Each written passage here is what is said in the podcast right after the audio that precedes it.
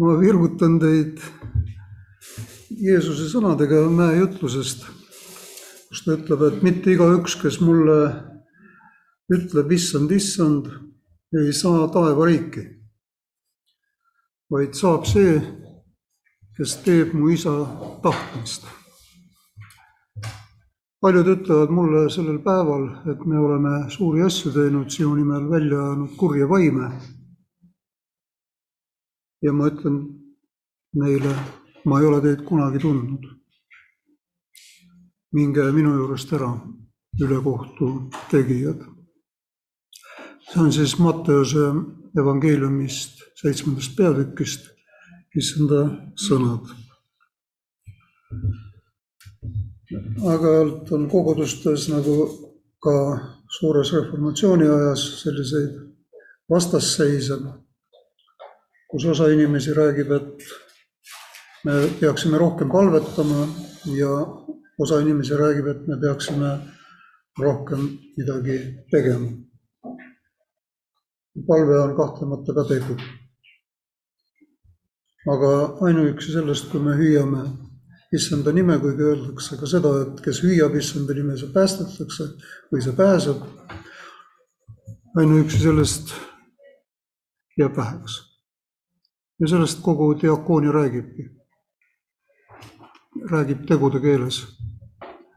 ehk siis palvetamine on hea osa, mida kelleltki ära ei võeta. aga selle juurde peavad käima ka teod, sest lõppude lõpuks, kui Marta ei oleks lauda katnud, oleks Jeesus tol korral nälga jäänud. ma arvan, te mäletate, millele ma viitan. nii et kõik, mida meie teeme, peab teenima Jumala au ja ligimeeste hüvanguks, siis on need teod samamoodi jutlus, samamoodi palve, nagu seda oleks meie sõnaline pöördumine. ja kui me jääme ainult sõnalise pöördumise juurde ja ei pane seda tegudesse, siis me riskime sellega, et meile ütleb ka issand nõnda, et mitte kõik, kes minu nime nimetavad, ei saa taevariiki. ja pealegi võib selline tühine või tühi ja tegudeta nime nimetamine olla ka nime kuritarvitamine. ehk siis enese varjamine Jeesuse taha. aga ta ootab meilt, et me tuleksime välja ja läheksime kõike maailma. ja kui seda ei, tema suuremaks saamist inimesed ei oska näha meie tegudes. no siis tuleb mõelda, kuidas täpsemalt need teod adresseerida, et nad vastaksid täpselt inimeste vajadustele. kui meie teod pisendavad, siis me oleme taas eksinud seaduse vastu. ma mõtlen seda ülimat seadust nii et me peame hoolitsema läbimõeldult ja targalt inimeste eest, kes on meie noh, meie teenimisalas või valitsemisalas, kui te soovite, sest parimal juhul need tähendavad ühte ja sedasama. ja nende eest hoolitsemine ongi jumalateenistus teises vormis ehk diakoonia on liturgia peale liturgiat ehk siis maailmaminek on seesama Jumala teenimise jätk, mida me teeme oma tänahommikuses palvuses või oma pühapäevastes või kellel laupäevastes kogunemistes. kui see meil meelest ei lähe, siis on kõik hästi ja kõik võimalikud välised asjaolud pöörduvad meie kasuks, sest kõik tuleb kasuks nendele, kes Jumalat armastavad.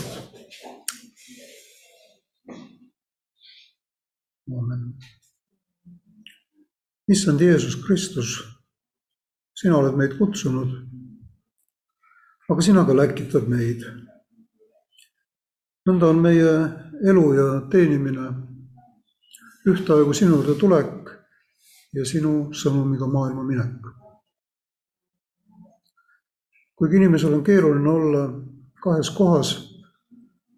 ja see viib sageli mõttele, kas ma pole eksinud on selge, et Jumala juures ollakse siis, kui minnakse oma ligimese juurde ja siis ei ole enam kahes kohas olemist. on olemine sinuga, kes sa vaatad meile vastu igast meie ligimesest, mehest ja naisest, vaesest ja rikkast. Aga kõige enam nendest, kes vajavad meie abi. ole siis oma armuga meie ligi, kui me täna püüame aru saada sinu diakooniast, sinu teenimise tööst, õppida sellest ja ka ise teenida sinu nimel. aamen. selline hommikune virgutuspalve teile siis.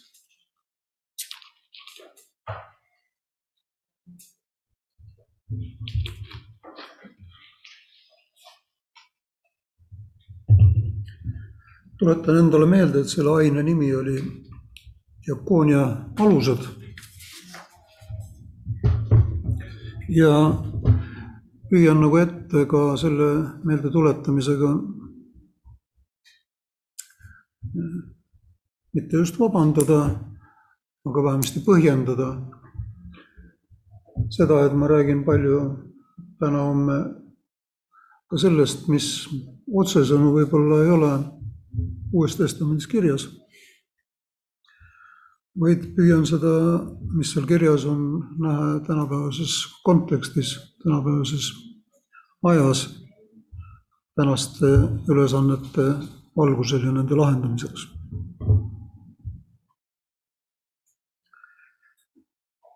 Viimane kord me lõpetasime sellega, et me püüdsime määratleda, kui õnnelikud me oleme. kas te saite häid punkte? kas te mäletate seda värvilist tabelit? no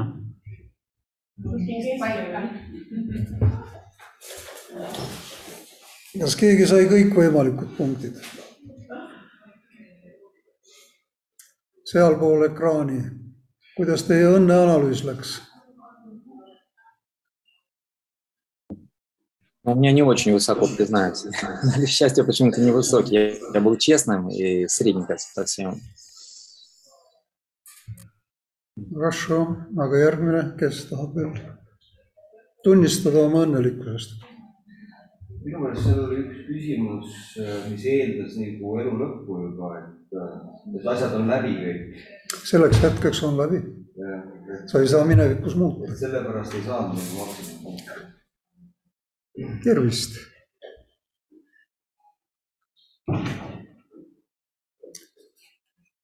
no aga mis siis teha? võib-olla oleks mõistlik nagu küsida enda käest, et ma olen küll mõelnud, et äh, ma olen õnnelik inimene ja ma olen selles testis saanud ka nii keskelt kakskümmend kaheksa, kolmkümmend punkti. ja ma arvan, et ma olen ikkagi aus olnud. aga mind on ka rabanud elus igasugused sündmused või asjad, mis on teinud haiget aga ma ei ole nagu nendest kunagi murtud olnud, kuigi päris raske on olnud. nii et siin on mingil kombel tegemist ka valikutega, milline hoiak elu suhtes valida. ja mulle tundub, et ristiinimesel, kes ju teoreetiliselt teab, et ta on Jumala loodud, et Jumal on öelnud, et see on hea et on Jeesuse poolt lunastatud. et see on ju ka hea. Ja et me oleme loodud üksteisega osaduses elama. ja et püha vaim on see, mis meid edasi aitab ja liigutab. et see on ka hea. et kuidas me saame siis toriseda, viriseda ja öelda, et ma ei olegi õnnelik. vot see on niisugune, psühholoogid nimetavad seda kognitiivseks dissonandiks, dissonantsiks ehk ehk siis mõtteliseks või tunnetuslikuks vastuoluks, mis tegelikult natukene sarnaneb ka kaksikmoraali mõttega. et ma nagu ütlen, et mul on need ja need, need väärt-, väärtused aga minu toimimine kuidagimoodi nagu on nendega vastuolus. no ma arvan, et see on raske. aga ma olen näinud, et inimesed ütlevad, see on kerge. see on nagu minnalaskmine. aga minnalaskmine ei ole väärikas. Siis on jälle probleem. no probleemid on selleks, et neid lahendada. eks ma mõtlen, et te võiksite need, kellel ei tulnud sealt kahtekümmend punkti välja, korrigeerida oma suhtumisi. mitte arvata seda, et, et see on sellest halvast liiklusest äh, tingitud või halvast ilmast. et teil on sellel hetkel nagu valmidus madalam, kui võiks olla. Selleks tuleb esmalt, tuleb teha mõned asjad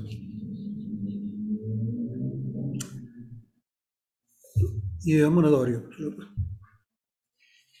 ja ma tahtsin paluda teid, et te teeksite iseseisvalt ühe harjutuse. see ei ole väga raske. kui teil on paber või midagi taolist või tahvel. Ja tõmbaksite sinna peale ühe joone.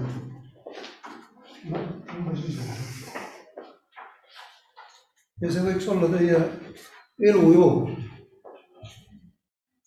ja ma tahaksin ka paluda, et te märgiksite sellele, noh, siin on teie sündimise aeg ja siiapoole on õnneks rahatud ja kusagil seal taga on igavik. aga sündimise ajast märkige palun sellele joonele soovitavalt koos aastaarvuga, võib-olla ka kuupäevaga märgiliselt sündmused oma elus. üks oli tähtis, läksin mehele, võtsin naise, läksin kooli, isa läks ära, unustasin ta nime. võib-olla veel midagi, läksin jongi, tulin välja.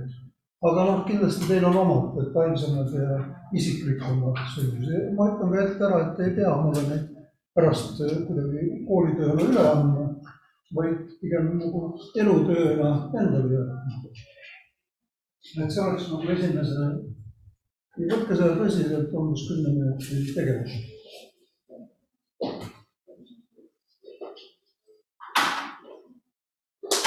võib-olla ma ütlen veel seda ka, et need sündmused võivad olla joone peal, nad võivad olla ülevalpool joont, kui nad on nagu eriti üles viivad ja, ja võivad ka olla auku kukkumised, nagu meil kõigil seda aeg-ajalt esineb ainult et auku ei tohi jääda.